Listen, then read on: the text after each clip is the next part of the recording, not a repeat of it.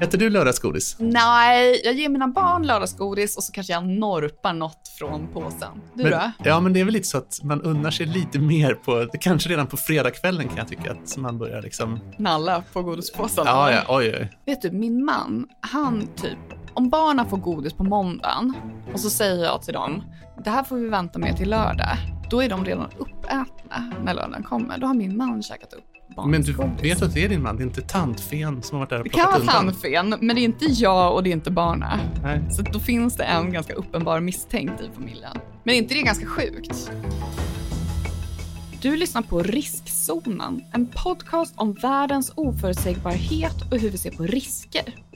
Det här avsnittet handlar om när så kallade sinnesslöa personer på en anstalt i Lund blev ofrivilliga försökspersoner när sambandet mellan socker och hål i tänderna skulle undersökas.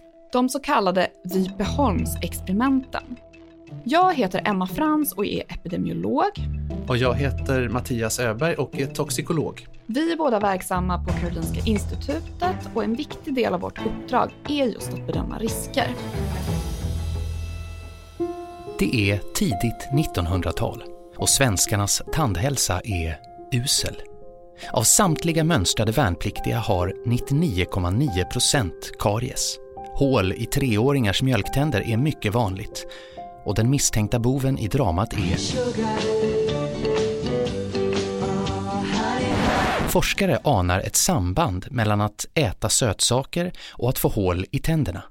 Men sambandet saknar bevis och bättre data behövs. Allra helst någon form av kontrollerade experiment med försökspersoner och att man under en längre tid kan kontrollera deras matintag. I andra delar av världen har försök gjorts på fångar och barnhemsbarn. Försök som man tvingats avbryta när försökspersonerna lämnat sina institutioner. På 40-talet hittar svenska forskare den perfekta platsen. Och de perfekta personerna för att kunna studera sockrets inverkan på tandhälsan. I närheten av Lunds universitet ligger Vipeholmsanstalten, ett sjukhus för sinnesslöa. De intagna på Vipeholm anses vara särskilt passande att genomföra experimentet på eftersom alla får samma mat och lever i samma miljö. På den här tiden anser man att förståndshandikappade eller kognitivt funktionsnedsatta människor inte upplever smärta och obehag på samma sätt som friska individer. I en intervju från 1942 beskriver sjukhuschefen de intagna på följande sätt. Dessa ytterligt lågstående individer skiljer sig så väsentligt från vanliga människor att man har en känsla av att de på något sätt står utanför den biologiska verkligheten och inte följa det vanliga biologiska livets lagar. Vid sjukdomstillstånd reagerar de inte alls. Under tio års tid, från 1945 till 1955, pågår experimentet. Patienterna blir uppdelade i försöksgrupper och tilldelade olika typer av kosthållning. Några av försökspersonerna får dagligen äta så kallad Vipeholmskola. En kola framställd för att vara särskilt seg för att så mycket som möjligt av sockret ska fastna på tänderna.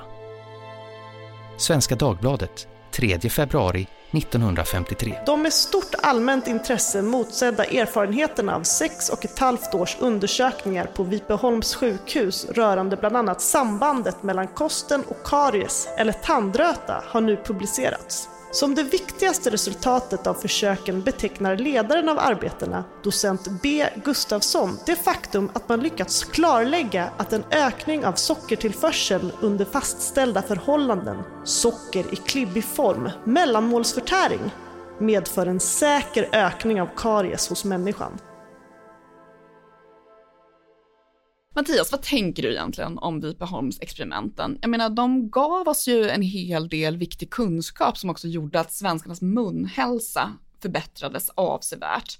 Men samtidigt så utsatte man ju människor för väldigt mycket lidande. Och även om lidandet orsakades av något så angenämt som kola, så, så här kan vi väl inte hålla på? Nej, alltså det är ganska förskräckligt egentligen vilken människosyn man hade. Mm. De här räknades liksom inte som riktiga människor, men ändå lika oss vanliga människor så att de gick att använda som försökskaniner. Har du gjort några experiment på människor?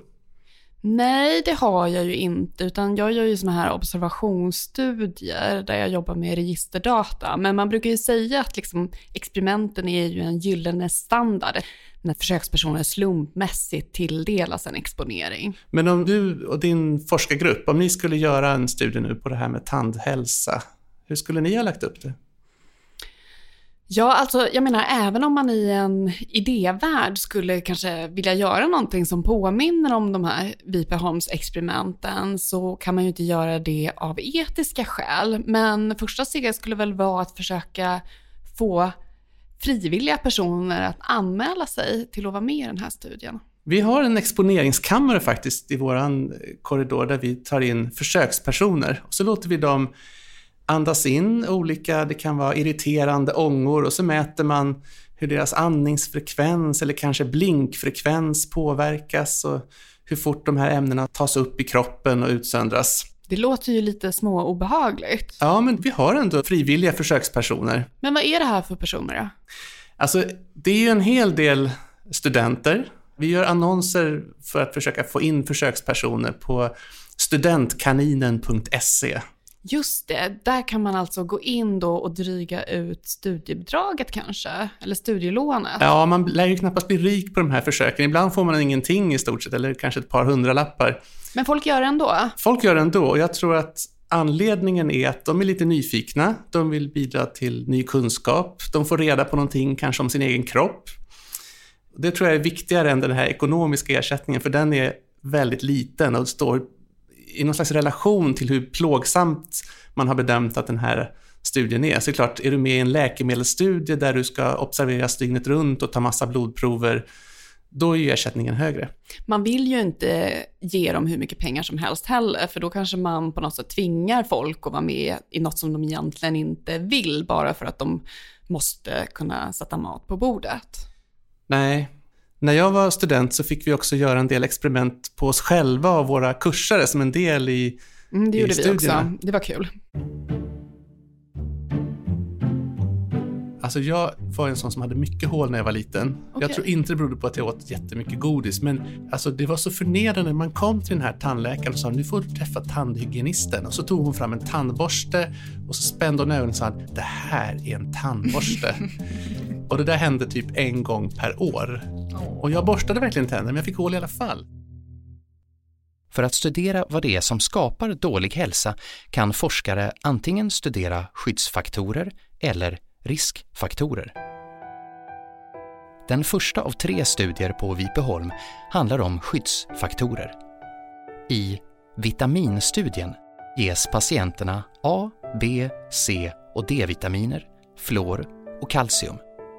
Efter ett och ett halvt år kan goda resultat utläsas på viktuppgång och stärkt immunförsvar. Däremot syns ingen skillnad på mängden hål i tänderna. Då går forskarna vidare och inleder studier för att ta reda på vad som orsakar skada. Målet är att skapa hål i tänderna genom olika typer av kost. Forskarna inleder ett samarbete med flera godismärken, bland andra chokladfabriken Massetti. De beställer choklad, cola och den superklibbiga Vipeholmskolan. Totalt 30 ton godis, men inte en enda tandborste. Hundratals personer äter sötsaker dagligen och efter ett och ett halvt år undersöks de. Det visar sig att de har fått mängder av nya hål. Kontrollgruppen som fått grundkost har däremot inte lika mycket karies. För att inte äventyra statistiken bestäms det att hål inte får lagas förrän efter två år och experimentet fortsätter ytterligare sex månader. Resultaten är mycket tydliga. Kanske för tydliga. Godisindustrin som sponsrat studien anser att försökspersonerna fått orealistiskt mycket godis och kräver att ett nytt försök görs med mer normala nivåer. Branschorganisationen går in som sponsor för ytterligare två år och testar ett mer realistiskt sockerintag. Men det visar sig svårt att definiera vad som är normalt. Man går därför inte ut med resultaten förrän 1953. Trots att resultatet varit känt under flera års tid. Jag blev lite förvånad när jag hörde om Vipeholmsexperimenten. Dels att man började faktiskt inte med socker, utan man började med att försöka förebygga hål i tänderna. Just det, man hade först goda intentioner. Man ville förbättra deras tandhälsa. Ja. Och sen när det inte blev tillräckligt med, eller det blev inga resultat alls, då liksom ville man ju verkligen på något sätt göra något dramatiskt. Man vill se den här skadan Man vill, se, ja, men man vill liksom på något sätt ta det säkra för det osäkra och designa en studie där man vet att man kommer se någonting. Men varför avbröt man inte försöket om man nu såg i någon slags liksom, halvtidskontroll att oj då, men titta, de får ju faktiskt mer hål. Ja, men Ja, men då har vi ju fått vår kunskap, då behöver vi inte fortsätta det sista halvåret eller året. Nej, det skiljer ju väldigt mycket från hur man gör nu för tiden. Hur skulle man göra idag? Ja, men man skulle ju ha avbrutit det i förtid. Man skulle ju ha sådana här liksom, tidigare endpoints där man utvärderade datat för att se om man har något tydligt resultat. Skulle det visa att man utsatte dem för den här typen av skada så skulle man ju avbryta det. Mm. Om man hade sett en positiv effekt då, att de fick mindre hål av att äta vitaminer? Ja, samma där faktiskt. Om man ser en väldigt tydlig positiv inverkan, då skulle det innebära att det är oetiskt att ha en kontrollgrupp som inte får det här som skulle då potentiellt kunna förbättra deras hälsa. Mm. Men något som är också intressant med den här historien, det är ju hur vår syn på de här människorna som till exempel förståndshandikappade har förändrats över tid.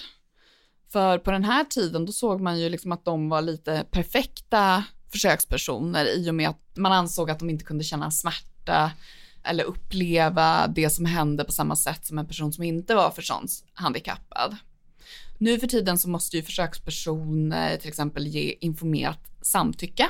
Vad skulle du räkna som samtycke då i det här fallet? Det här är väl personer som knappt kan, vissa av dem i alla fall, kan de knappast ens förstå att det är ett experiment. Exakt. Och det är ju just det det här handlar om, att för att kunna ge informerat samtycke, då måste man ju också förstå vad det är man kommer att genomlida. Mm. Och just sådana här grupper som man då anser inte riktigt kanske kan förstå exakt vad man ska gå igenom eller vad det här experimentet, vilka risker som finns med det.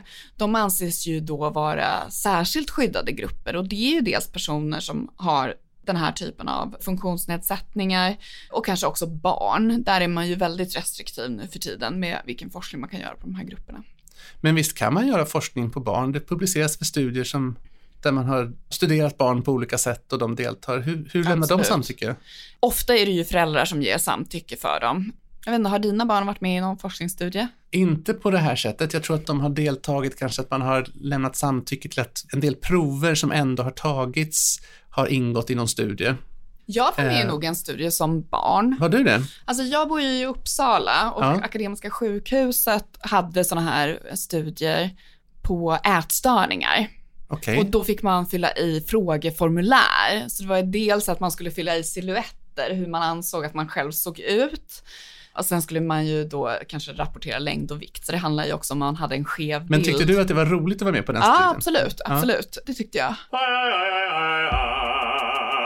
Jag var ju med i en studie, minns jag nu, när jag var, som faktiskt handlade om tänder. Jag sjöng väldigt mycket när jag var liten. Jag gick på musikskola och när jag började så mätte man gommen på något sätt, hur den var formad. Jaha. På skolan eller i studien? Nej, jag fick gå till en speciell eh, tandmottagning och sen så tog de ett sånt här avtryck. Det var väldigt äckligt, det kändes som att bita i modellera. Och sen när jag gick i gymnasiet så blev jag kallad igen.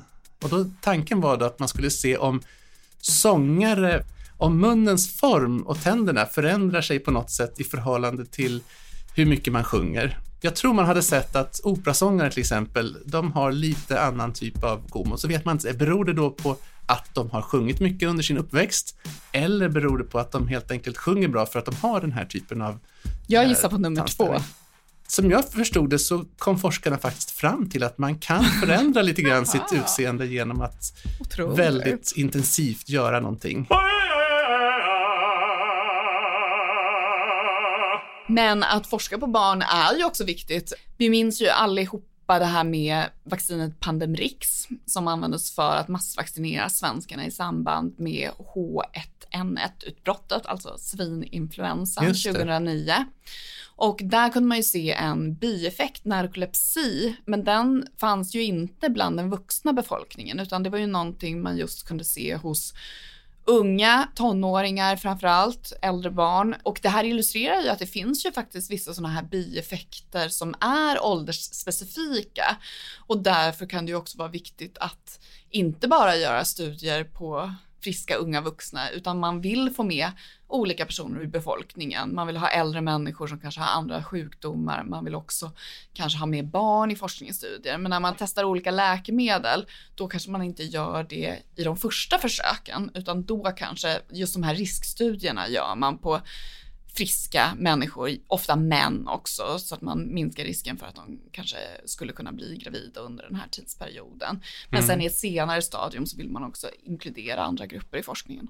Det finns ju andra sätt att få kunskap. Ja. Och inom toxikologin så är vi ju förtjusta både i att göra experiment, försöka kontrollera exponeringen och ha ordentliga kontroller och sådär.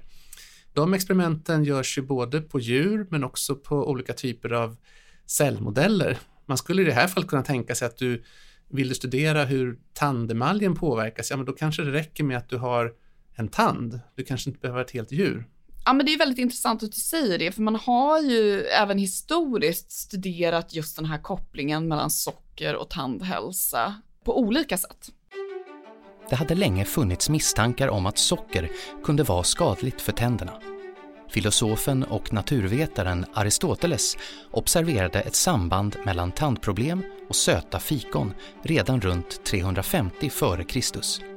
Men det var först i slutet av 1880-talet som man började få förståelse för att karies orsakas av att bakterier i munnen bildar syror som fräter på tänderna.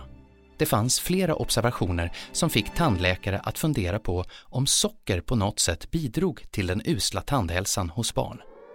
Redan under första världskriget, då socker ransonerades hårt, kunde man se att barn fick färre hål i tänderna. I have to tell you now that this country is at war with Germany. Under andra världskriget blir det åter brist på socker och därför tar flera odontologer chansen att studera tandhälsan hos barn. I Norge och Finland sjunker antalet hål med mellan 50 och 75 procent. Baserat på ransoneringen av olika matprodukter är vår preliminära slutsats att nedgången kan hänföras till den minskade konsumtionen av raffinerade kolhydrater och ökningen i konsumtion av mer naturliga livsmedel, det vill säga skyddande livsmedel. Skriver norrmännen 1949. Parallellt med försöken i Vipeholm finns en grupp forskare från USA som går en annan väg för att nå samma kunskap om sambandet mellan socker och karies. Djurförsök och toxikologi utvecklas snabbt under 1900-talets mitt och forskarna Fitzgerald och Keynes visar att socker och bakterier kan orsaka karies hos hamstrar. Under experimentets gång har Fitzgerald nära kontakt med svenska forskare och får lära sig sterilteknik av docent Bengt Gustafsson. Genom att hålla försöksdjur i steril miljö kan de amerikanska forskarna påvisa att bakteriefria djur inte får hål i tänderna. Men det som också är lite intressant med det här, det är ju att eh, Vipeholms-experimenten och ur vetenskaplig synpunkt så var det ju här ett ganska bra experiment. På vilket sätt då? Ja, men det var många personer, det var en sån här så kallad experimentell studie. Alltså där man faktiskt eh, orsakar, alltså man gör en intervention. Det man annars gör, det är ju såna här observationsstudier. Vi epidemiologer gör ju ofta sådana och då är ju inte forskaren med och styr vem som exponeras för exempelvis socker och vem som inte exponeras för det, utan det är ju någonting som personer då, man gör egna val i vardagen. Så de här undersökningarna från första och andra världskriget där man såg att i tider av sockerransonering så blev barnens tänder friskare, de fick mindre hål. Alltså är de, det en observationsstudie? Det är en observationsstudie och det är också en observationsstudie på gruppnivå, så man kan inte se det på individnivå, utan man tittar på liksom hur det ser ut i själva befolkningen. Det finns olika typer av observationsstudier. I vissa fall så kan man ju se på en enskild individ att när den personen äter mindre socker så får den personen mindre hål i tänderna. Men det här är ju någonting som man ser då generellt, att när befolkningen äter mindre socker så får befolkningen mindre hål i tänderna och det är ju inte lika säkert som att hitta det på individnivå. Så det finns också olika typer av nivåer i säkerhet även när det kommer till observationsstudier. Men om man tänker sig under då krigsåren, då var det ju inte bara sockerransonen som påverkades, utan det var ju också andra saker som skilde sig jämfört med de icke-krigstiderna. Så därför är det väldigt svårt att veta att det är liksom specifikt sockret som påverkar det här eller som orsakar den här skillnaden i Så skulle du säga att enda chansen att få reda på om socker verkligen kan öka risken för att få hål är att göra ett experiment på människor? Jag säger inte det personligen, utan jag tror att man kan hitta andra sätt att göra det. Men jag tror att man brukar prata om att det här med experimentella studier, man brukar prata om en golden standard. Ofta är det då randomiserade experimentella studier. Ibland pratar man om RCT som står för Randomized Controlled Trial.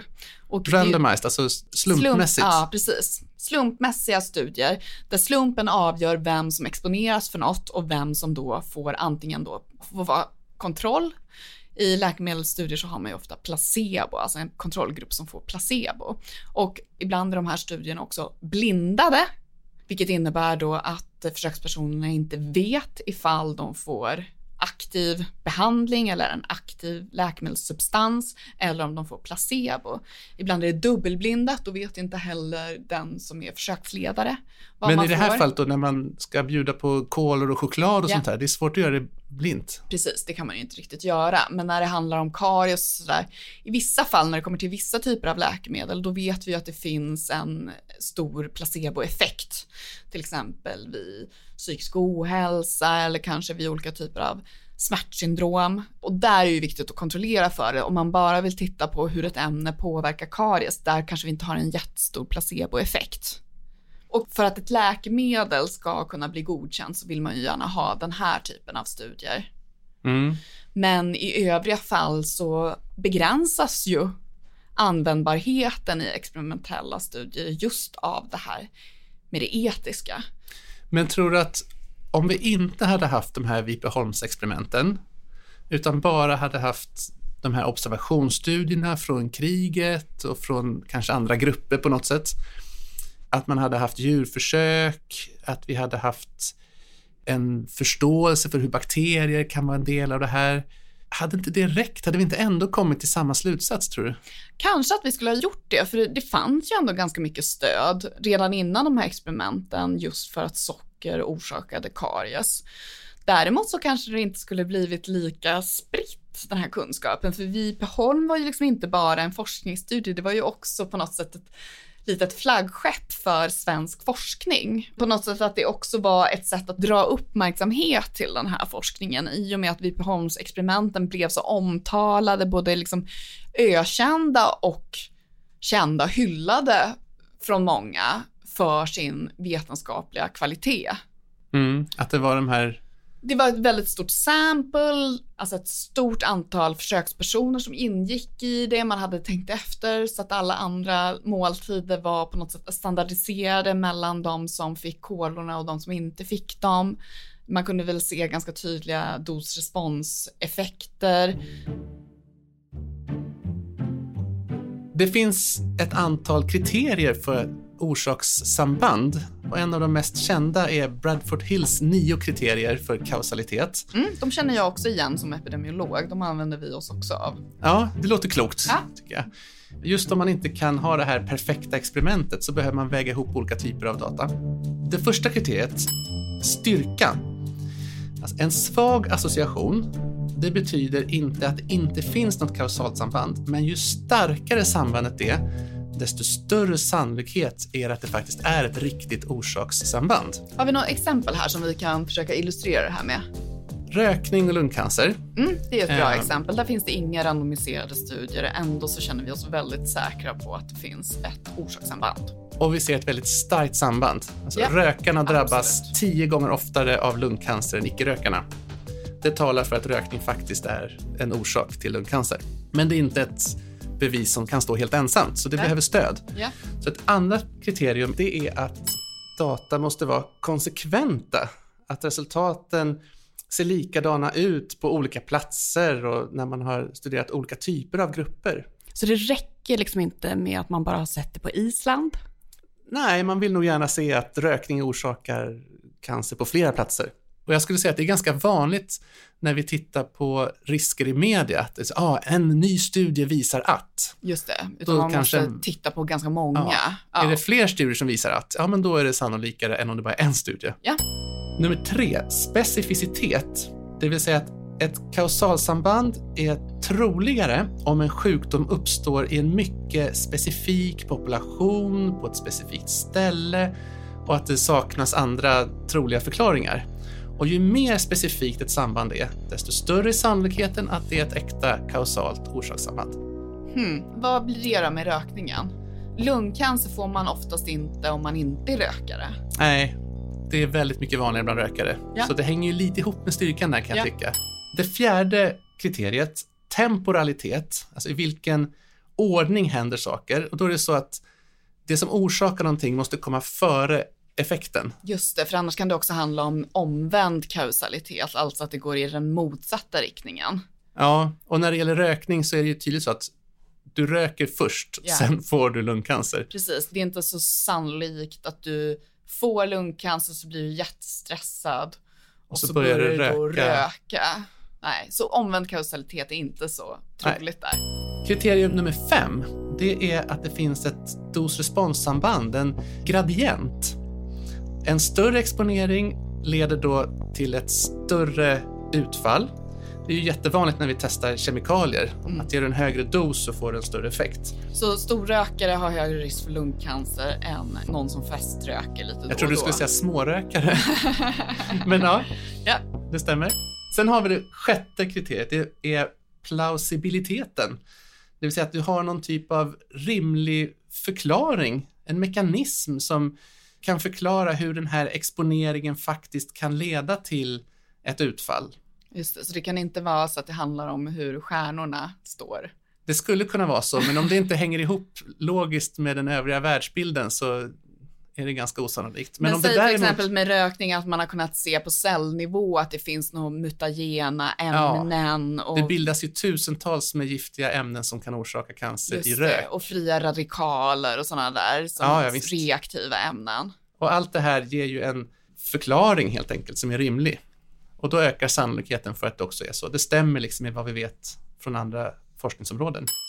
Sen har vi även det som man kallar för koherens, alltså samstämmigheten till exempel mellan epidemiologiska observationsstudier, experimentella observationer. Ja, då ökar sannolikheten ytterligare för att det här är ett riktigt orsakssamband. Just det, så det är inte bara det att man ska kunna se det på olika platser, samma sak, utan Nej. också att det ska finnas liksom en röd tråd mellan olika typer av forskningsstudier. Och där kan man ju tänka sig till exempel då på Vipeholm att ja, men den ger en pusselbit och det stämmer dessutom med djurförsöken. De stödjer varandra. Just det. Då det, finns det en koherens. Det åttonde kriteriet, experiment. Om man kan visa i ett experiment att till exempel om man tar bort exponeringen, ja då försvinner effekten. Okej. Eller om man lägger till exponering, ja då kommer den här effekten. Ja. Då ökar sannolikheten såklart. Analogi. Att orsakssamband som rör liknande faktorer kan man också observera. Och när det gäller rökning så vet vi att det finns ju andra saker i olika yrkesmiljöer som också kan ge lungcancer, som inte är cigarettrök. Det kanske är rök från någon typ av industriell process. Det. Och det gör ju också att det är mer sannolikt att det finns ett samband. Och kan man kryssa i alla de här kriterierna, eller en majoritet av dem, så kan det vara tillräckligt för att man ska kunna dra en ordentlig slutsats om att det finns ett orsakssamband. Försöket på Vipeholmsanstalten sponsrades bland annat av aktörer inom sockerindustrin som hoppades att resultaten skulle visa att det inte fanns någon stark koppling mellan socker och karies. Att ge anslag till Vipeholmsförsöken beror på att vi ansett att enda möjligheten att bekämpa den vetenskapligt ogrundade propagandan mot socker och sötsaker är att få fram vetenskapliga resultat. säger choklad och konfektyrfabrikantsföreningens direktör Ture Grafström i en intervju. När forskarna sen fastställer sambandet mellan karies och socker är sockerindustrin mycket kritisk till resultatet och fördröjer publiceringen. De menade att studien inte visar att måttligt intag av socker kan ge problem. Dessutom är det tydligt att det finns andra viktiga faktorer som också påverkar risken. Patienterna har tvingats äta motsvarande 132 kilo socker per år. Vilket kan jämföras med att en genomsnittlig svensk idag äter 43 kilo per år. Men den nyvunna kunskapen om sambandet mellan socker och karies leder till kampanjer som avsevärt förbättrar svenskarnas tandhälsa. Bland annat resulterar studierna i rekommendationer om att hellre äta mycket godis en dag än lite godis flera dagar i veckan. Och vi får ett nytt begrepp.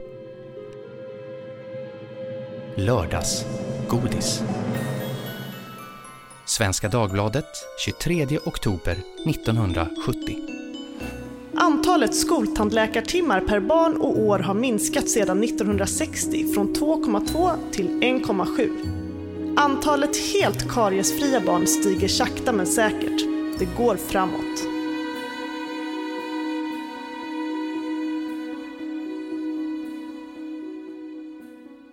Tycker du att det kändes liksom bra eller dåligt att göra ett experiment med kolor? Det känns ju som en ganska ofarlig substans.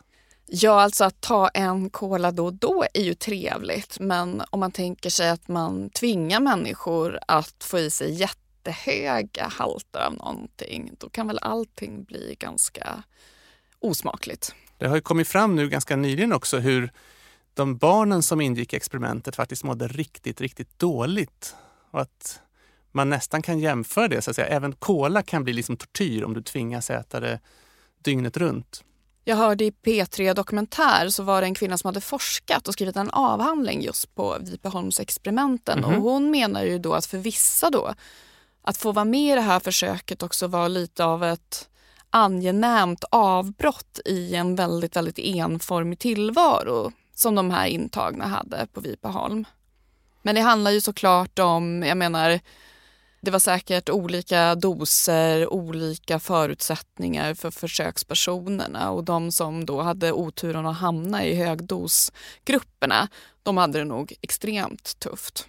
Jag tror att det som gör att det upplevs som så läskigt bara att höra om det här, det är väl det att det genomsyras av den här mörka människosynen, att de här var liksom inte fullvärdiga människor som kunde känna smärta på samma sätt som vanliga människor.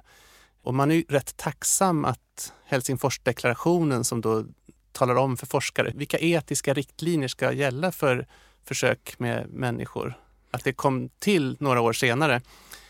Just Helsingforsdeklarationen kom ju till i och med att det hade uppdagats de här hemska experimenten som nazisterna hade gjort. Och det här handlar ju om att, eh, jag menar även om syftet med medicinsk forskning är att ta fram ny kunskap så får det ju aldrig ske på bekostnad på försöksdeltagarnas rättigheter och deras egna intressen. Men är det inte lite konstigt ändå att man i Sverige, det här är ju ändå efter kriget, ungefär samtidigt som de här rättegångarna, att man inte tidigare börjar reflektera över vad är det vi håller på med? Själv kan jag ju känna att lördagsgodis efter det här känns ju inte riktigt lika trevligt när man vet vad som egentligen ligger bakom. Så du tror kanske att det här avsnittet har förstört alla människors förmåga att njuta av lördagsgodis? Vi får se. Du har lyssnat till femte avsnittet av Riskzonen, en podd med mig, Mattias Öberg. Och med mig, Emma Frans. Vill du veta mer eller komma i kontakt med oss så har vi lagt ut länkar, bilder och annat på Riskzonens Facebook-sida. Vår producent är som alltid Klara Wallin och inläsningarna gjordes av Peter Öberg. Och vi vill rikta ett varmt tack till forskningsrådet Formas för deras ekonomiska stöd till podden. Och nästa vecka vänder vi blicken mot en dramatisk händelse i Tokyos tunnelbana. Men nu spärrar vi av riskzonen för idag. Hej då! Hej då!